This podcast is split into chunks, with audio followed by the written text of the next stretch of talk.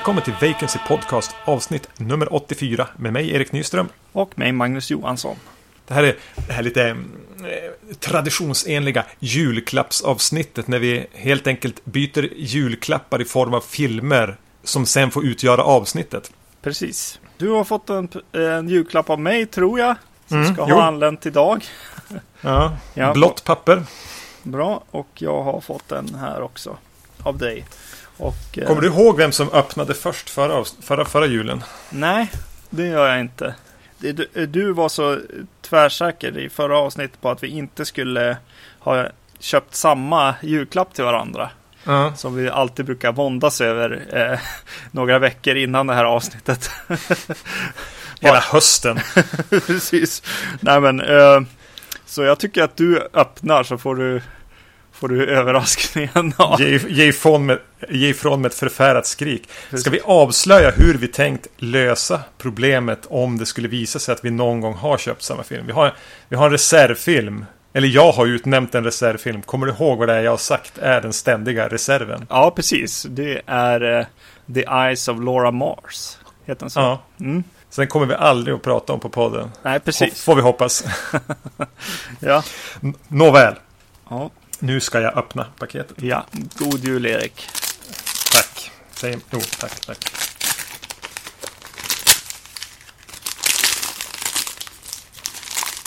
Kommer inte att behöva se The Eyes of Laura Mars. Okej. Jag har fått The Sacrament. Just det. Ty West. Eh, Ty Wests ny, nyaste film. Just det. Kul. Eh, jag har som tänkt eh, att jag visste att den här hade kommit. De pratade ju om den på den här podden med Bret Easton Ellis podcast som jag tipsade om för några, veck- några månader sedan. Ja, precis. Och jag har som gått och hur ska vi få in ett avsnitt med Sacrament? Vi måste ju vara up to date med, med, med hans filmer. Eh, så jag har som tänkt hur vi skulle få in det kanske någon gång i början av nästa säsong. Eh, Ja. lega och grott lite grann. Men det här blir ju skitbra. ja, precis. Eh, Jag löste det åt dig där. Mm. Eller åt oss. Ja, ska jag öppna mitt julklapp här då? Innan du öppnar kan jag säga, jag hade tänkt skriva ett, inte ett rim, men en ledtråd på omslaget, men jag gjorde inte det. Jag hade Ja. tänkt skriva Open at will. Okej. Ja, Vi får återkomma till det efter vi har sett den kanske. Ja. Då ska vi se.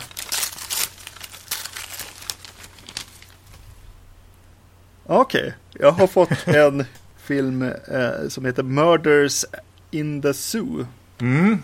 Det vet inte jag vad det är. Nej, det visste inte jag heller när jag bestämde mig för att köpa den. Men det är en, det är en, det är en, en, gammal skräckfilm från pre-code horror. Alltså före Ah. produktionskoden kom. Du kommer även att få lite fritid snart eftersom den där filmen bara är drygt en timme lång. Ja, precis. Jag, jag tänkte på det i efterhand. Eh, Ja, just det. Vi ska ju faktiskt välja film som vi hinner se under den här kvällen. Och så sen spela in eh, senare ikväll nu då. Men eh, eh, det verkar ganska lugnt med den där filmen också. Jag tror det står 99 minuter på den. Ja, Vi gör väl helt enkelt så att vi ser lite film och återkommer. It's beginning to look a lot like fishmen. Då var vi tillbaka. Och vi tänker väl kronologisk ordning då, antar jag. precis. Eh, Det blir Murders in the Zoo från 1933.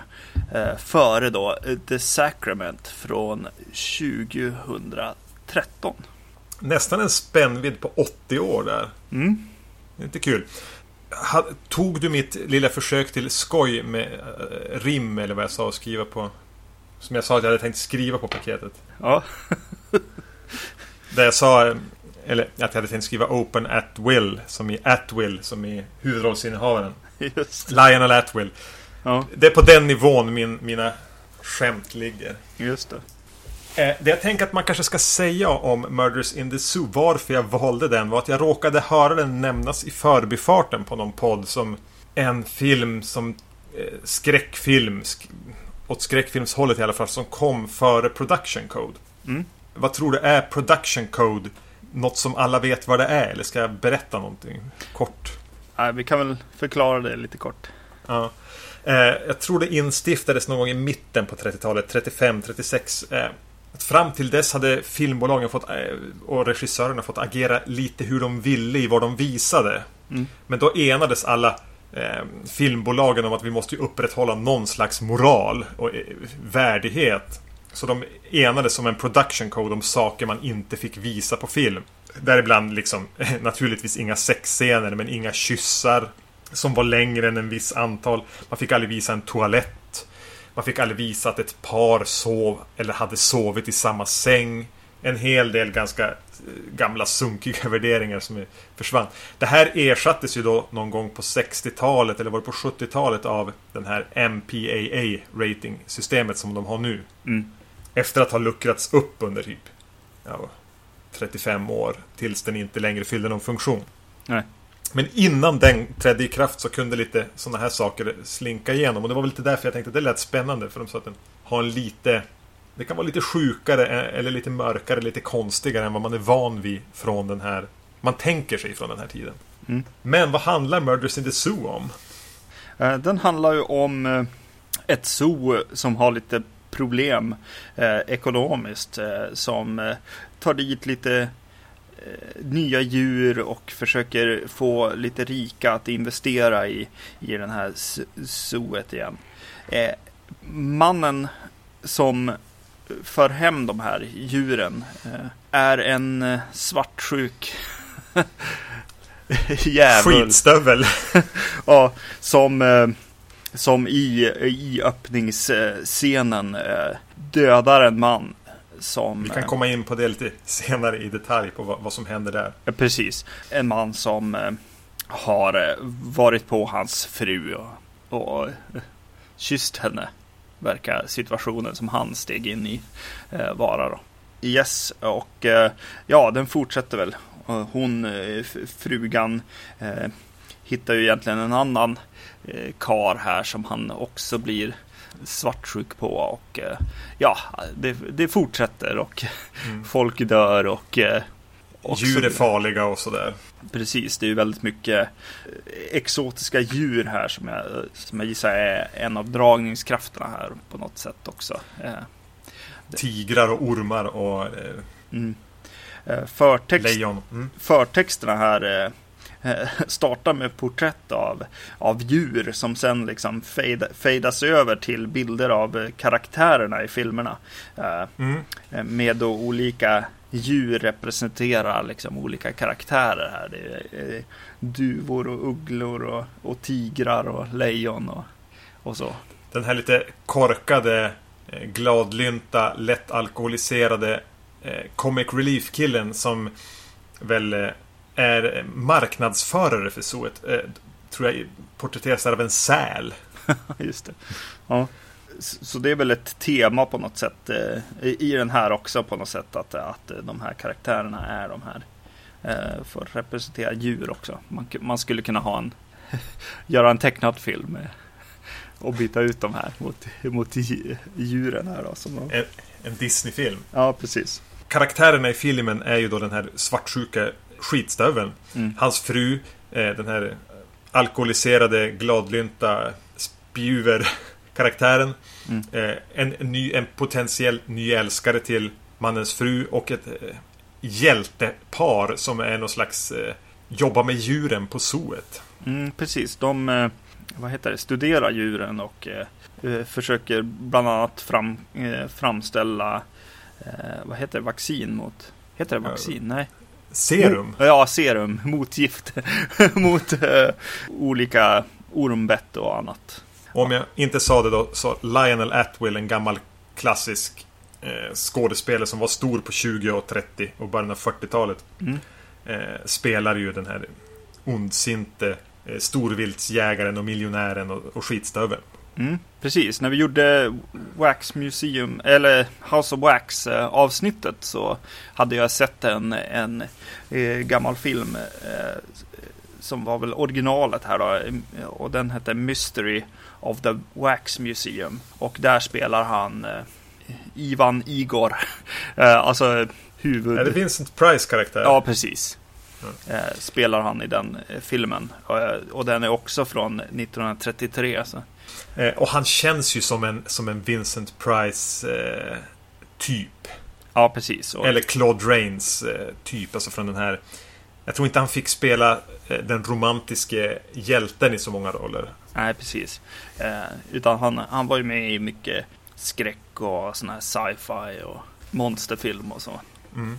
Han dog ganska ung. Han var inte så, så gammal när han dog. Han var en så här, skandalomsusad så här, orgieskådis med, med, med, sin dyra villa och så här, fester. De gjorde razzior mot ibland för de tänkte att det eh, florerade droger och, och sexorgier där. Han var en, en, en riktig hedonist eh, utanför duken när han fick spela en skurk på den.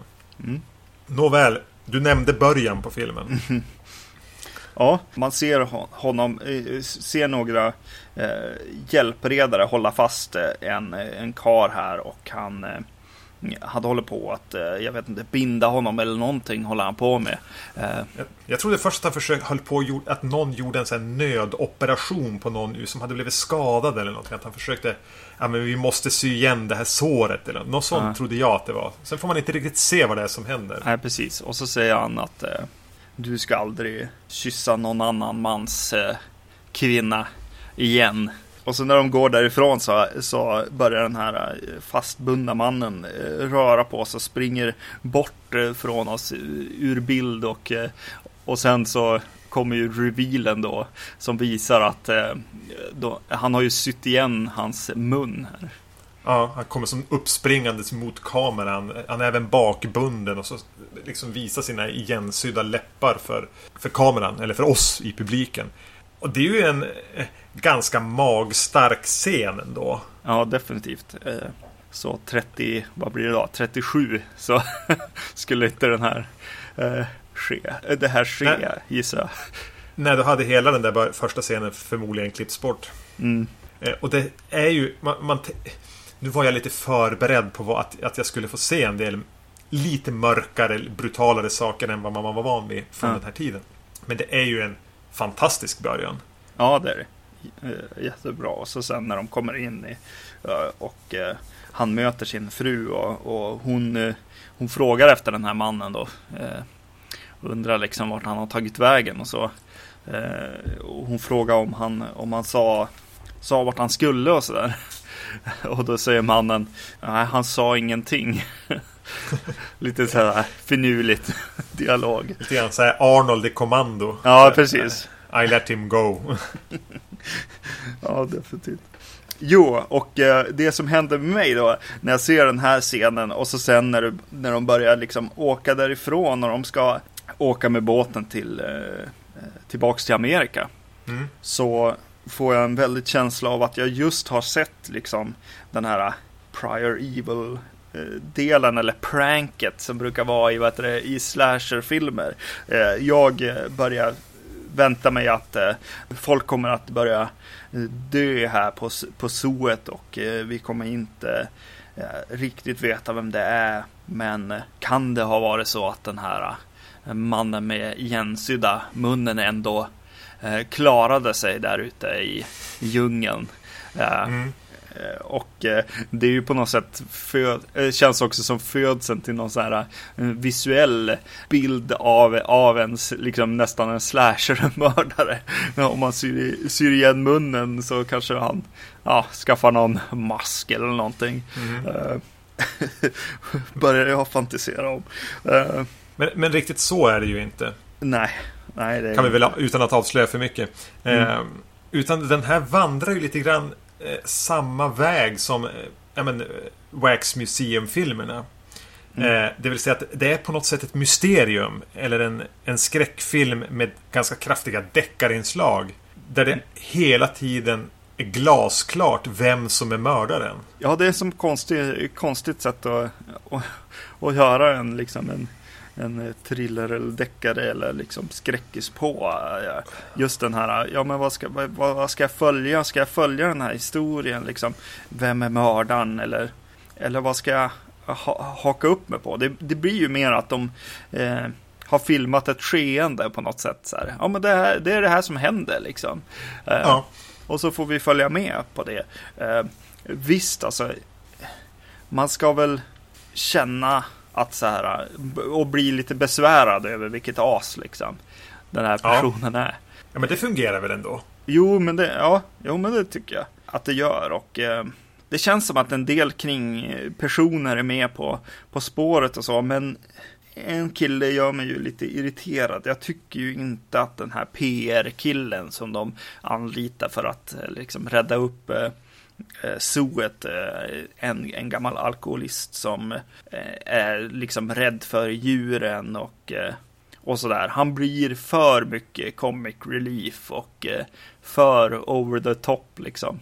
Medan andra har liksom ganska lågmälda, så här, lite romantiska scener och och de här äh, forskarna som är ganska down to earth. Ja, de är ju väldigt eh, nedtonade. Så här, det eh, romantiska hjälteparet. Ja. Eh, Medan den här Comic Relief-killen är det någonting som sätter en tidsstämpel och daterar den här filmen så är det ju han. Ja. För eh, han känns lite grann som hämtad ur en Abbott Costello-film eller Helan och Halvan eller någonting. Eh, exakt. För ja. han är ganska tramsig och det är ganska mycket att han är rädd för djur. Eh, och att han, han gör ju inte en fantastisk prestation som den här klantskallen heller. Nej. Eh, så, så, han blir väl... Jag, jag, jag satt aldrig och irriterade mig på honom. Men jag, tänk, jag, jag försökte väl som mer ha överseende med att han var där. ja, precis. Jo. Det finns ändå något mörkt i att han har ett ganska gravt alkoholproblem. Eh, och som kommenteras hela tiden. Bara, jo men Åh, han är en gammal alkis men nu är han på vagnen igen. Här, nu, nu, ska han klara det här. Och att han ju är rejält alkoholiserad egentligen. Det är ju, det är ju inte roligt. Nej. Nej, det är det inte. Spoiler, men i, slutet av filmen så börjar han ju om att dricka också. Det är som slutpunchlinen. Mm. Det är lite roliga slutet liksom. Ja. För att lätta upp. Mm. oh, jo. Nej, det är som skumt så här. Och, och, det är ju en av grejerna att de ger honom den här bakgrundshistorien eller den här ja, alkoholproblemet liksom. Ja, men det är ju all, lite allvarligare. men eh, ändå är det han som är så här den roliga karaktären på något vis. Det är som, ja, jag vet inte. Var det som roligt med de som var så här fyllorna i, i vänskapskretsen? Eller, jag vet inte. Hade man roligt åt dem? Ja, precis. Peka och skratta liksom. Ja, jag vet inte. Eh, jag tänker att jag vill komma tillbaka till det vi var inne lite grann på med det här märkligt redovisande linjära berättandet. Mm. Eh, tycker väl jag är det största problemet med Murders in the Zoo. Mm. Just det att det, det, det, blir inte så någon spänning eller något mysterium utan den förlitar sig istället då väldigt mycket på eh, de här gimmick-grejerna. Här är det eh, som titeln avslöjar liksom mord på zoo. Eh, med, med medelst djur och, och, lite... Det är någonting trist med hur den är upplagd. Samma historia hade kunnat eh, bakas om och behålla många av de här mörka detaljerna. Men samtidigt göra en hålla tittaren lite grann i ovisshet om vem som faktiskt är mördaren eller varför eller är det kanske så att eh, det bara är olyckor som, som, som händer. Mm. Eh, eh, jag vet att jag hade samma invändningar mot eh, ja, House of Wax eller Mystery in the Wax Museum. Att man, man lägger fram alla korten och låter oss tittare se dem. Ja. Och sen är det mer meningen att vi ska förfasas över dem. Eh, jo men exakt. Eh, och, och man skulle ju ha tagit, tagit vara, tycker jag, mer på liksom att, att de har lite karaktärsgalleri här och det finns ju folk som skulle kunna liksom bli Red Herrings liksom. Ja. Som, som skulle kunna bli dem. Den nya pojkvännen. Mm. Eh, som är lite så här, ja men det är lugnt, jag kan ta hand om din kar. Säger han vid någon, vid någon eh, scen där och, och, och, och, det känns som att, jaha, kommer han bli så här beskyddaren av, av kvinnan och där ja, måste börja göra, ja, döda folk så här. Mannen och, och vittnen och annat och sådär. Eh, hon, kommer hon liksom kanske ja, utnyttja honom till att utföra de här morden eller, eller kommer eh, eller till och med kommer hon att döda folk. Eh, den här karaktären i, i början som får igensydd mun han släpper dem lite innan han faktiskt dör. Eh, mm. Så man vet inte riktigt. Eh, så det finns ju en hel del trådar att dra i liksom om man skulle göra liksom. Ja, den lämnar verkligen öppet för att ens egen hjärna kan gå på högvarv och konstruera möjliga scenarion. Precis. Eh, och sen får det helt enkelt leva i ens egen fantasi, alla de scenarierna. Ja, precis. Uh, det, det, känns som att mer, mer här eh, mot för vad det, uh, House of Wax, där remaken liksom går och blir, blir något annat och, och bara ta valda delar. Här känns det som att remaken kanske skulle vara mer eh, betingad att göra det på något sätt. Det, det känns som att ja, men här måste vi nog eh, i alla fall om vi skulle göra en modern film nu, en Platinum Dunes remake på den här. Ja, då skulle vi nog måste liksom förändra det här lite grann. Och skulle man bara vilja göra en thriller eller, eller så, eller, eller följa den här eh, mördaren så att säga, så, så måste, vi ju, måste man ju överdriva det ännu mer och, och få en liten inblick i i den här mannens liv. För han är ganska eh, ensidig liksom. Ja, han blir ju verkligen jag lite jag tänker på Bela Lugosi, alltså den här onda boven. Han, man förväntar sig nästan att han ska skratta elakt. Men samtidigt låter de, tycker jag, Lionel Atwills skurkkaraktär bli otroligt ond på ett sätt som är mycket mörkare än, än, än vad jag är van vid. Dels så syr han ju som sagt var ihop munnen på en man och, och, och fortsätter att rada upp offer. Mm. Men det är även en scen mellan han och hans fru när han har, ha, har gjort någonting annat ont. När han i princip han, han tar, tar i henne och pressar henne mot sig, lägger en hand på hennes bröst och säger nu ska vi älska. Mm. Eh, med andra ord, nu ska jag våldta dig. Ja. Eh, som ju hon gör sig fri från honom och, och, och scenen utvecklas åt ett annat håll. Men eh, de här eh, sekunderna när han liksom drar henne till sig och, och, är upphetsad av det han har gjort. Är också väldigt, väldigt mörkt. Mm. På ett sätt som det är någonting med det här helan och halvan känslan som filmen till stor del består, eller till stor del, men till viss del består, som gör att när de här avgrundsdjupa mörkret kommer så känns det på ett annat sätt. Man inte, det, det är lite grann som om, jag vet inte, Joey skulle våldta Rachel i Vänner helt plötsligt mitt i säsong 7. Ja. Man är inte riktigt beredd på det. Alltså på det sättet. Eh, nej, precis. Och det är ju där eh, det som räddar upp den här eh, mm. filmen också. Och säkert även vid tillfället när den, när den kom. Att, att eh, den här kylan och liksom, ja, ondskan som, som dyker upp ibland i, i, i mordscener och i scen, ja, scener där han bara är kall. Och, och mm. ja, ja, men det är ju, det är ju roligt. Det är ju, alltså skulle den här liksom ha flyttats in eh, och inte haft de här, eller ha haft den här eh, production-koden. Ja, då skulle de behöva tänka om. ja, då hade det inte varit mycket till film. Det är Nej. ju mörkret som räddar den. Mm. Jag tänker en, en, en sista scen som jag reagerade på. Eh, som verkar vara ett... Eh, nu har vi haft tre sådana här julklappsavsnitt och i två av dem har man suttit och mått lite dåligt över djur som far illa. Ja. I, i, i Wake in Fright, som var ja, för två år sedan. Ja så, så var det en obehaglig kängurujaktscen som man förstod faktiskt var på riktigt. Ja. Som kändes ända in i märgen.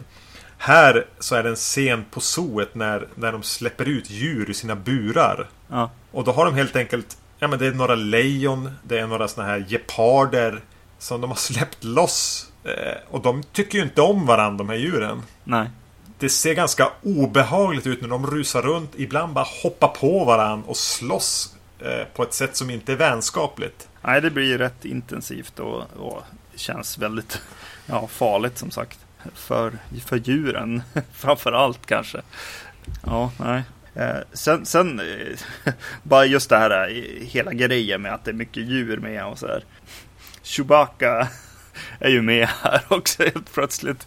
Äh, lätet av, av som Chewbacca gör i, i eh, Star Wars-filmerna. Verkar ju vara så här ungbjörnar typ. Som vill ha lite mat. oh, ja. Mm. Murders in the Zoo är, är väl ingen film som jag kommer att se om så hemskt många gånger. Nej. Eh, den är behagligt lång med sina, vad är det, 62 minuter. Mm.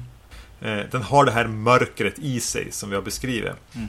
Men jag känner ändå att det finns eh, förmodligen bättre filmer i genren eh, pre-production code-skräck. Ja, definitivt. Eh, Och jag tänker att det här är något som vi kan försöka återkomma till på podden. För jag vet att jag har sett några filmer och, och jag vet att det finns andra som har nämnts som kanske är bättre. Jag kan ju nämna en som jag är väldigt sugen på. Det är ju The Most Dangerous Game.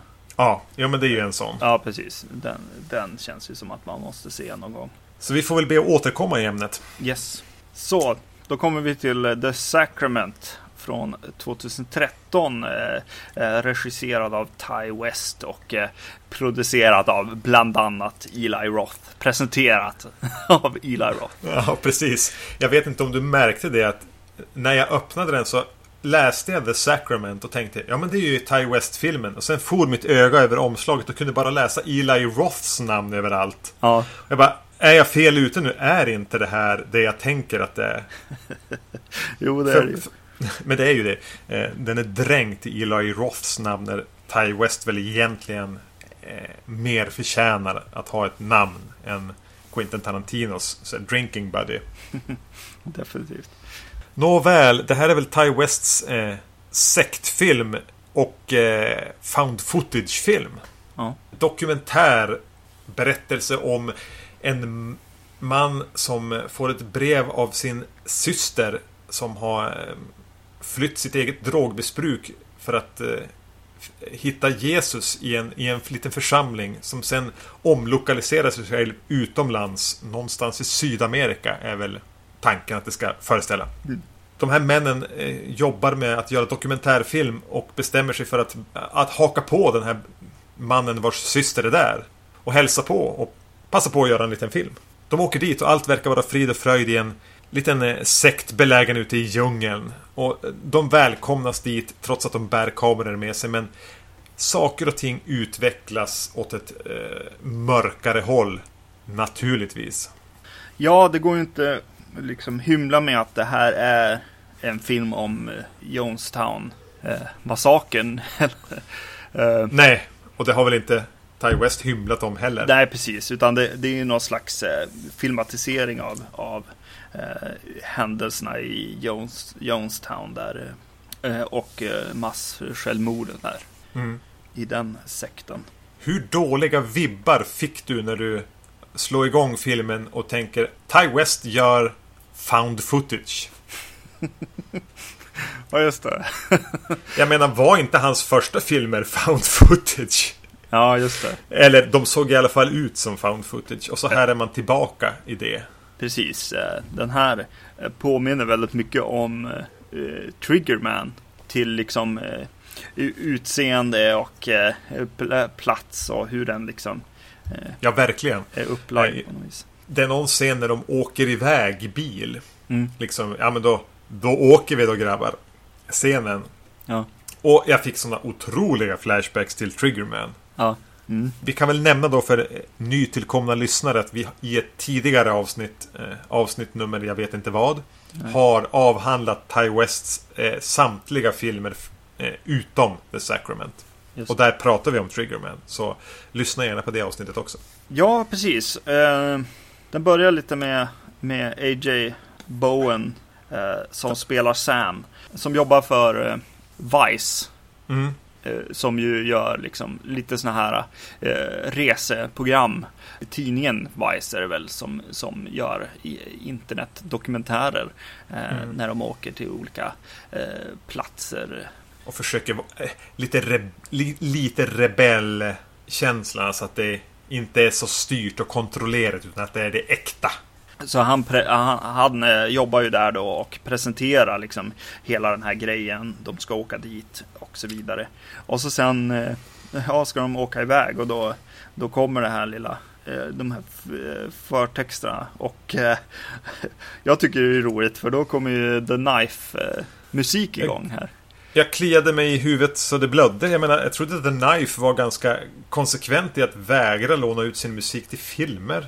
Ja, just det. Sälja ut sig liksom. Eller gillar de Ty West eller vad är det frågan om? Ja, precis. Han kanske bara, det kanske är så här, det här tracket man bara sätter på liksom innan, innan man skriver musik till filmen. Nej, något sånt här kanske vi ska ha där. Nej, men Eller så sitter eh, syskonen i The Knife nu och, och, och svär lik, högljutt vad fan har de gjort? just det. Tagit våran låt. Ja. Jag får väl ha min, jag mötte Lassie grej där. Jag har gått en utbildning med hon, eh, Karin Dreyer. Karin Dreyer. Precis. Du får väl eh, fråga hur det här kommer sig. Ja, och så får precis. vi Vi återkomma bäst- till det. Vi är bästa kompisar nu. ja, eller så har jag inte sett den på, ja, jag vet inte vad. Kan vi börja prata någonting om formatet kanske? Eller eh, upplägget? För eh, jag kände liksom att, ja men found footage, Ty West, eh, som kanske inte är den mest eh, bildsäkra regissören. Jag tänker nu kommer det att kännas Asylum här.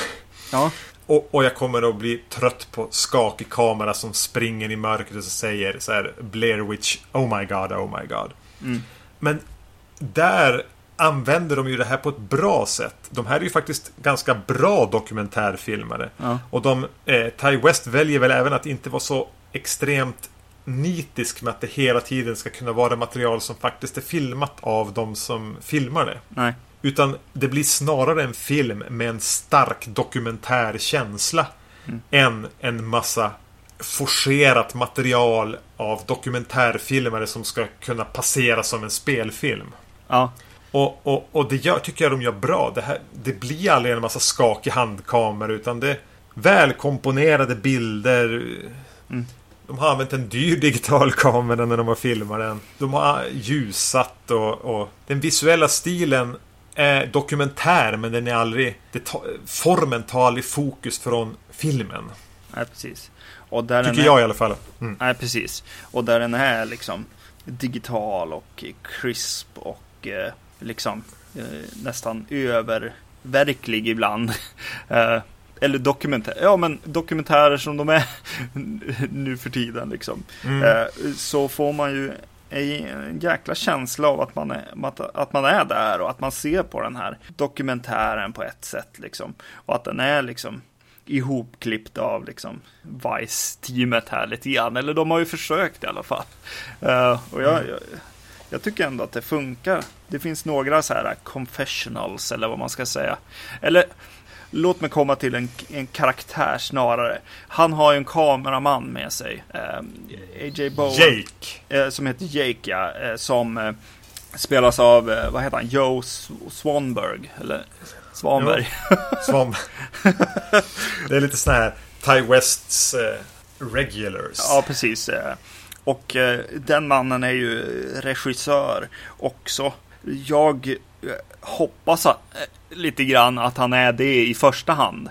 För jag tycker inte han är vidare bra alltså. Han är inte så jäkla trovärdig. Och när han får sina eh, lite confessional liksom filmer när han vänder kameran mot, mot sig i någon säng där och ska försöka liksom eh, vara lite känslomässig fast på det här eh, ihopbitna sättet som de ändå är. De, är, de har ju ändå Mm. varit med om, om, eh, om saker förr. Eh, det är liksom, det är nästan där, men det är inte Mm. där. Han hade, hans karaktär hade ju mått bra av att vara bara kameramannen som kommer in vid ett par tillfällen. Mm. För det är någon scen där de just har liksom gjort sig hemmastadda i, i den här stugan där de ska bo. Han, A.J. Bowen har sin scen och sen vänder de. Men vad tycker du då? Och så får han säga några saker. Mm. Ja men, ja, men då, då tycker jag liksom I den mängden fungerar det. Mm.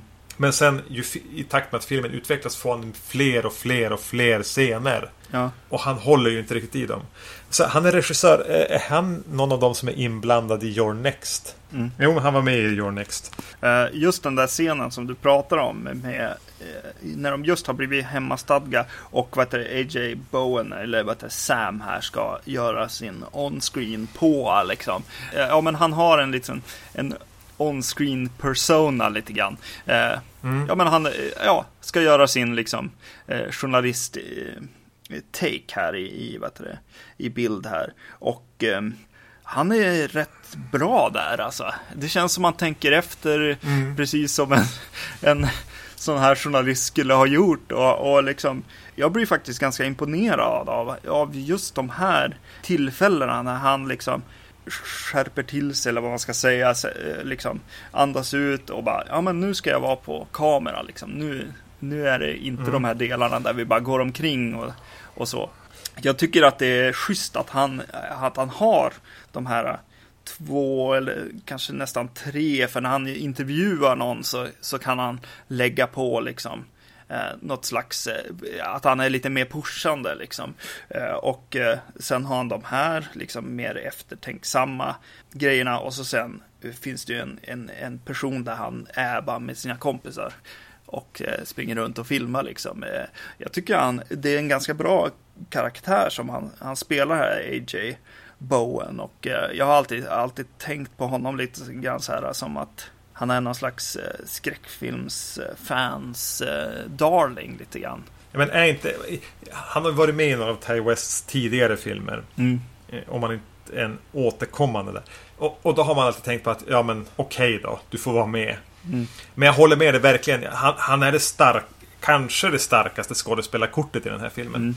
Och, och man kan verkligen se hur han, men, när han måste vara lite tuffare, gå emot sin egen personlighet för att ställa de lite jobbigare frågorna när han ska intervjua någon. Hur, han, hur det, det tar emot lite grann men han tänker att det här är mitt jobb. Jag går in i en, i en intervjuarperson här. Mm. Så jag önskar ju egentligen att, att vi hade fått se mer av bara A.J. Bowen, mindre av hans kameraman eller den här fotografkompisen vars syster det är de är och letar efter. Ja, just det, för det är ju en tredje person här. Ja. Mm. Patrick. Patrick, ja.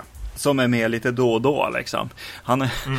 han är ju mer med sin syster och sådär. Eh, så de, de undrar lite vart han tar vägen i, i vissa delar. Sen kommer han tillbaka och hjälper till med filmskapandet och sådär. Vilket ju är naturligt liksom.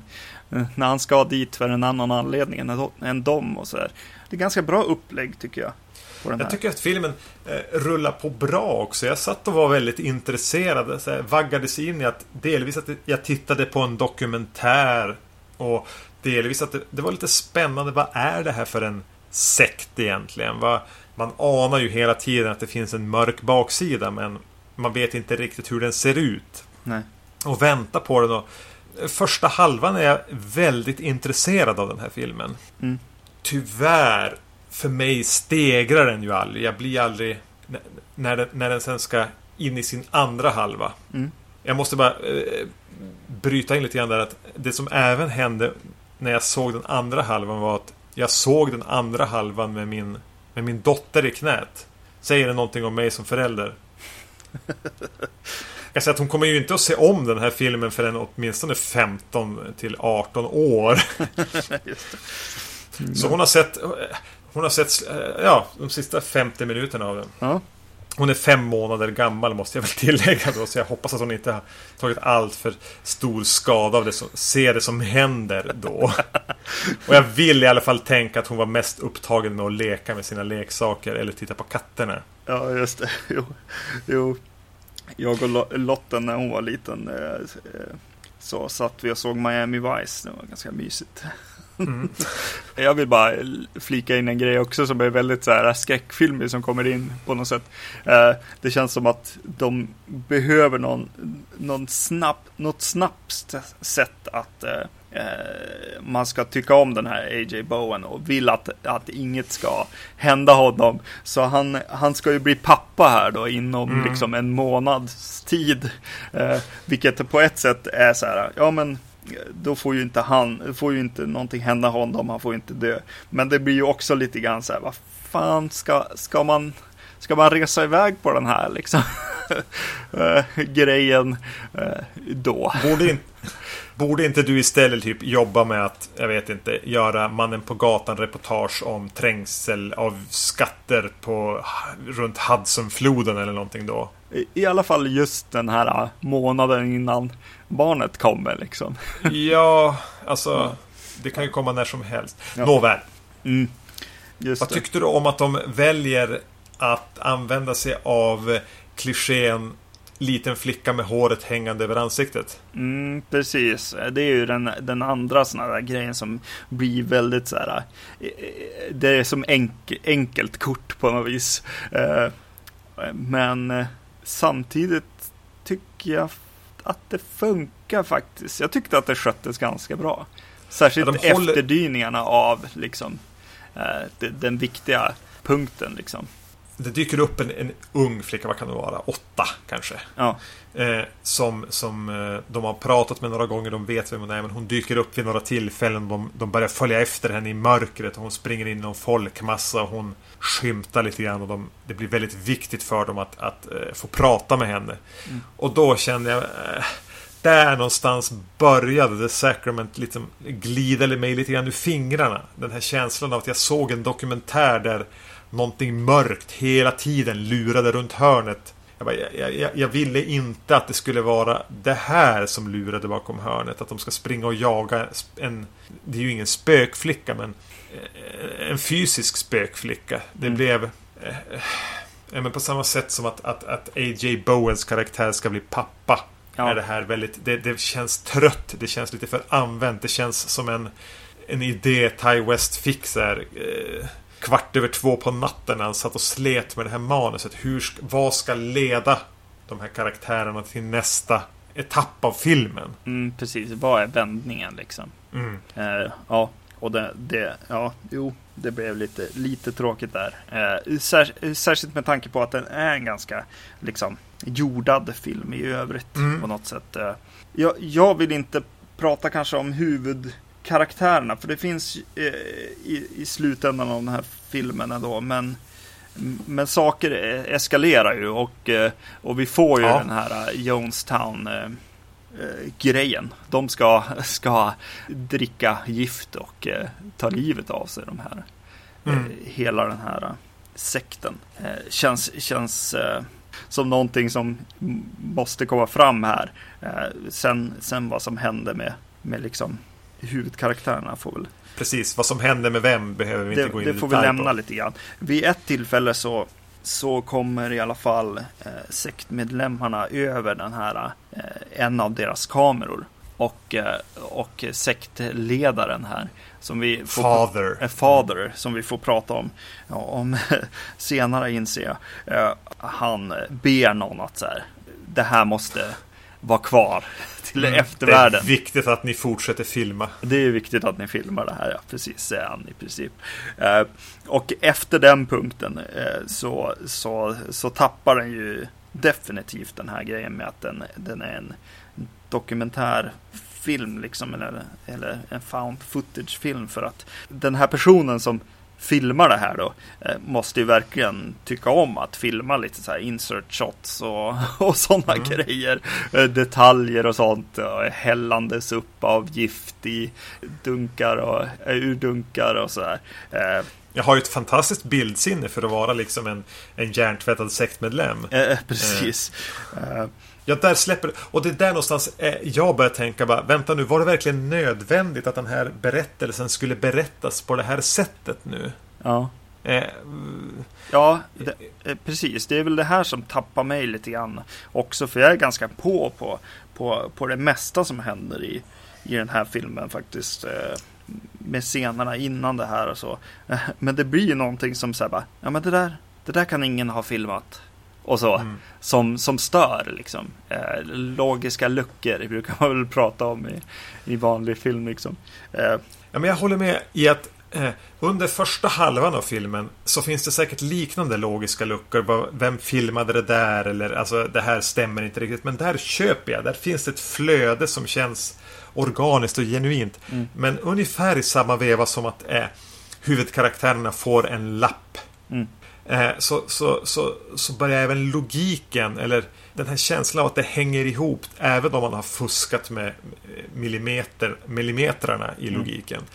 Så, så, så tappar den mig där. Och, och det du säger också när kameran plockas upp av gängse hjärntvättad sektmedlem. Mm. eh, Så då köper jag det inte längre. Då har den tappat mig i filmen. Då börjar det kännas falskt. Ja, ja nej det, det är ju lite, det är ju lite synd.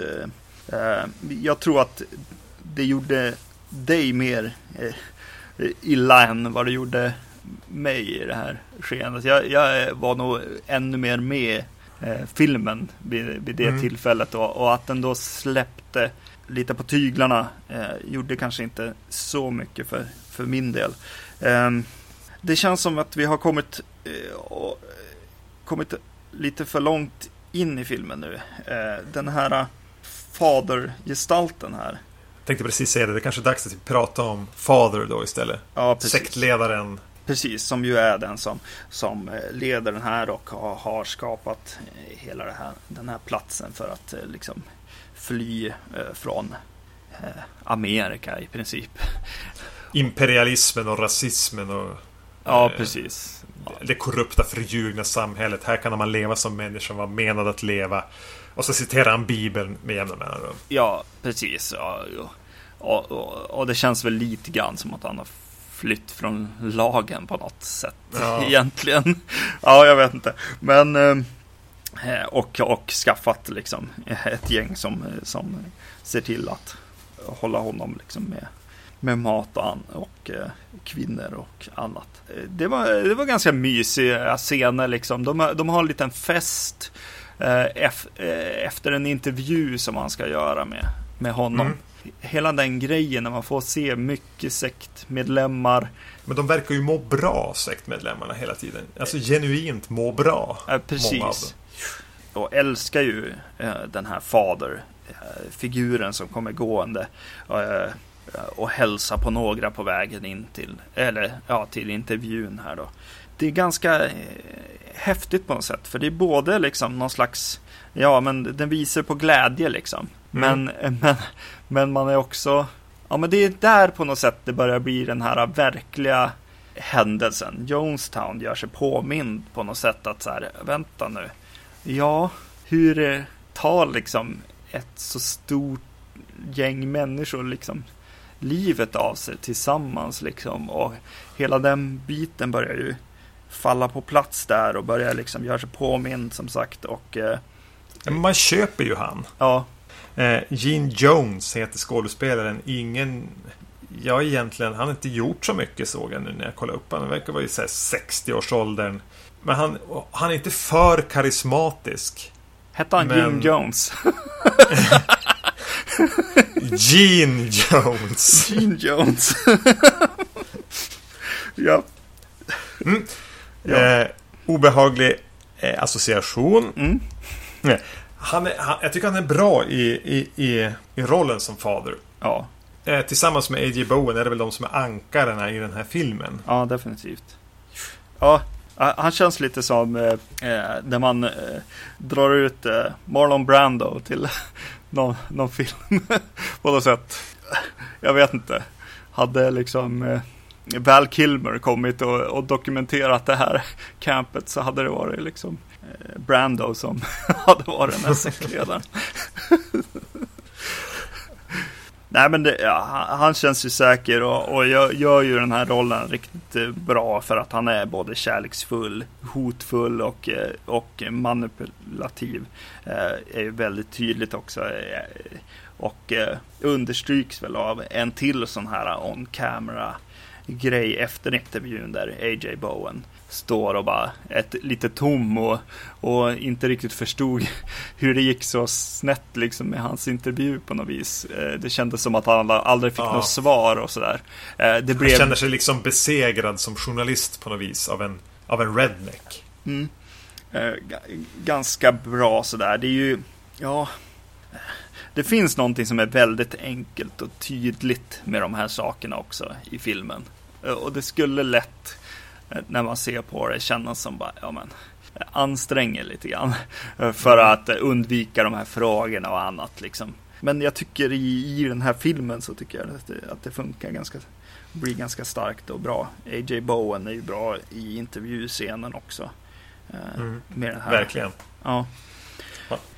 Sen tycker jag att, att, att eh, jag hade hört talas om framförallt en scen med en stilla kamera. Eh, en, en dödsscen i filmen. Mm. Som jag hade vissa förväntningar på. Och det kommer en, även en scen efter det. Där en annan karaktär dör. Mm.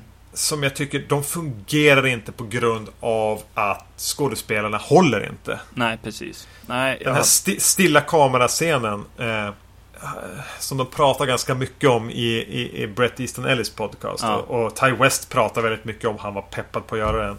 Så jag såg fram emot den och så kommer den och så bara, nej men det här, det här håller ju inte, kom igen. Nej, Det här var, det här var liksom en, en, en så rehearsal. ja precis. De, de hade lika gärna kunnat hålla manus i handen. Bara, Ni för, det här fungerar inte. Ni, ni, ni, håll, ni, ni är för dåliga skådespelare. Nej, precis. Då, då håller ju vad heter det, en, en scen, efterföljande scen egentligen med en eldsvåda liksom håller ju mycket betydligt bättre på grund av eh, eller tack vare kanske eh, lite specialeffekter och så som, som eh, är lite Och den är mer, kortare också. Ja, precis. Li, mycket mer effektiv där. Ska du ha en utdragen scen med en statisk kamera så ska du ha ruskigt bra skådespelare. Mm.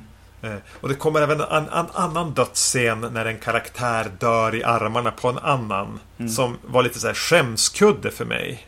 Eh, bara, nej men det här håller inte heller. Replikerna är dåliga. Eh, och de är dåligt levererade. Ja, just det. Ja, jo. Ja, det är sant. Men jag var nog, ja som sagt, jag var mer investerad här och jag tycker att det börjar bli riktigt jobbigt när de börjar så här, dricka de här grejerna och, och att han använder Jonestown så väldigt, väldigt tydligt här och, och eh, tjänar på, på det genom att eh, det är inte bara filmen jag ser på, jag ser även på liksom historien liksom. Mm. Eh, Jo, men det, det finns ju en kraft i tanken på att typ det här har faktiskt hänt. Mm, precis. Definitivt som man tjänar väldigt bra på. Jag, jag tyckte om den här filmen. Eh, faktiskt. eh, gan, ganska mycket. Jag började, jag började bara, ja men det här är bra Ty West. Bra, det är bra jobbat nu. Kände jag så här. Men å andra sidan så här, eh, kan det vara att man sitter och hurrar lite på honom. Att, att, känns det inte så att man vill att han ska lyckas? Att han är lite grann som om det här skulle vara våran kompis? Eh, jo, lite, lite så är det. Eh, Det är det definitivt. Jag, jag skrev det verkligen på det viset. Så här. Bra Ty West, bra! Eh, och eh, ja, nej, men jag, jag, jag tyckte han gjorde bra ifrån sig. Han valde ett jättebra bra sak att, att göra här och eh, ett intressant liksom, sätt att göra det på tycker jag också. Alltså, och, och det är lite förändring från found footage. Det känns som att han, Mm. han, han förväntas göra en found footage-film och han vet det. Så han, han vill ju göra någonting lite mer. Eh, Men jag tycker att, att, att han hanterar found footage-konceptet riktigt bra. ja, Egentligen. Och jag tycker att första halvan av filmen Den håller mig i något, i något slags grepp. Andra halvan inte lika mycket. Eh, det är inte så att jag hatar andra halvan eller tycker den är, är, är, är aktivt dålig på något sätt. Men där glider den eh, Jag kanske snarare glider ur filmens grepp. mm, Eh, nu ska jag eh, låta det vara osagt om det beror på att, berodde på att jag var tvungen att gå och hämta min dotter och sätta i knät och, och, och, och se den så. Men den är inte lika stark fortsättningsvis som den är inledningsvis. Nej. Jag får inte, och det här är ju ett återkommande Ty West-problem. Payoffen är för mig inte så stark som den borde vara med tanke på hur mycket filmen har lovat fram till dess. mm. Jag tänkte inte på problemen som han brukar ha lika mycket här tror jag faktiskt. Det håller jag med om. Alltså Ja. det är ju inte Inkeepers läge här. Alltså att, att, att man, man älskar att vara med karaktärerna. Men man blir aldrig rädd. Nej, precis. Ja, nej. Mm. Men som en installation, ytterligare liksom en film i hans CV så fortsätter han ju att visa viss potential. Men man börjar ju vilja se mer här. Eh, Jag börjar vilja se att han, han ska kunna göra någonting som är ännu bättre vid det här laget. Ja, just det. Ja, det är sant. Eh, Men du vill inte som, eh, som eh, så regissö- regissören att han gör en, en Fast and the Furious-film? Eller, eller är han klar med skräck, tycker du? Ty West, eller? Men har han inte sagt att han ska göra någonting helt annat nu? Ja, men det kanske känns så lite grann. Att han, att han ja, just att han kommer tillbaks till Triggerman på ett sätt också här. Gör kanske att, jo, man kanske, man kanske ska göra någonting, göra någonting annat. Kanske prova en högre budget kanske. Och kunna så, även kunna behöva axla något slags ansvar. Ja, precis. jo, eh, för eh, det är ju verkligen ett, ett kompisgäng som gör, gör de här filmerna. Hans producenter är, är ju bara, tycker ju att det är skitroligt att vara, att vara producent till honom. För det, ja, de enablar ju honom eh, väldigt mycket känns det som. Eh, de har tur att, att eh, jobba med honom snarare än att han har tur att jobba med de producenterna på något vis. Eh, Medan vi har pratat nu har jag suttit och kollat upp vad det är som är Ty Wests nästa film. Och det är en western med Ethan Hawke och John Travolta. Så nu börjar det väl vara dags att visa att han faktiskt kan göra någonting. För nu måste det ju finnas någon som investerar ganska mycket pengar någonstans. Ja, precis. Ja, ja nej, men det ska väl bli kul någonstans att se det. Men jag vet inte, westerns. Eh, det känns som att de har tappat eh, eh, bollen där, Hollywood. De vet inte riktigt vad man gör med ska- den genren. Lite. Ja, inte Tarantino heller. Ja, Eh, Men i och med att vi har påbörjat det här så måste vi fullfölja det. Så vi har väl inget annat val än att göra eh, Ty West heter han ju också. Ja, ja. ja det är löjligt. ja, det är det. Mm. Eh, ja, men det är kul. Eh, Jag tyckte eh, för en gångs skull annorlunda mot dig lite grann. Eh, det kanske är någonting med... Ja, ja nej. Mm. Är det så att inte- jag hatar allting som är nytt? Ja. Eller var det det du tänkte säga? Ja, precis. Jag ska inte analysera det. Mer än så. Eh, ja, ja. Ja, men det var ju bra att vi fick ett tillfälle att se The Sacrament som inte var att klumpa ihop det med jag vet inte vad nästa Amityville-film eller någonting. Nej, precis. Eh, g- gled ju in väldigt, väldigt smidigt här. Mm.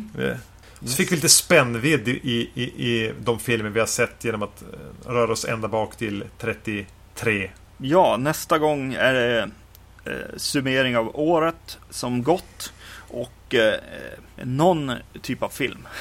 Mm. Vi har inte riktigt enats om vad vi kommer att se då.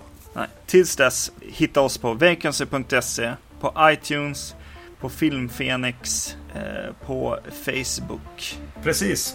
Ja, Eh, då återstår väl bara att eh, eh, önska en eh, riktigt god jul. ja god jul allihopa.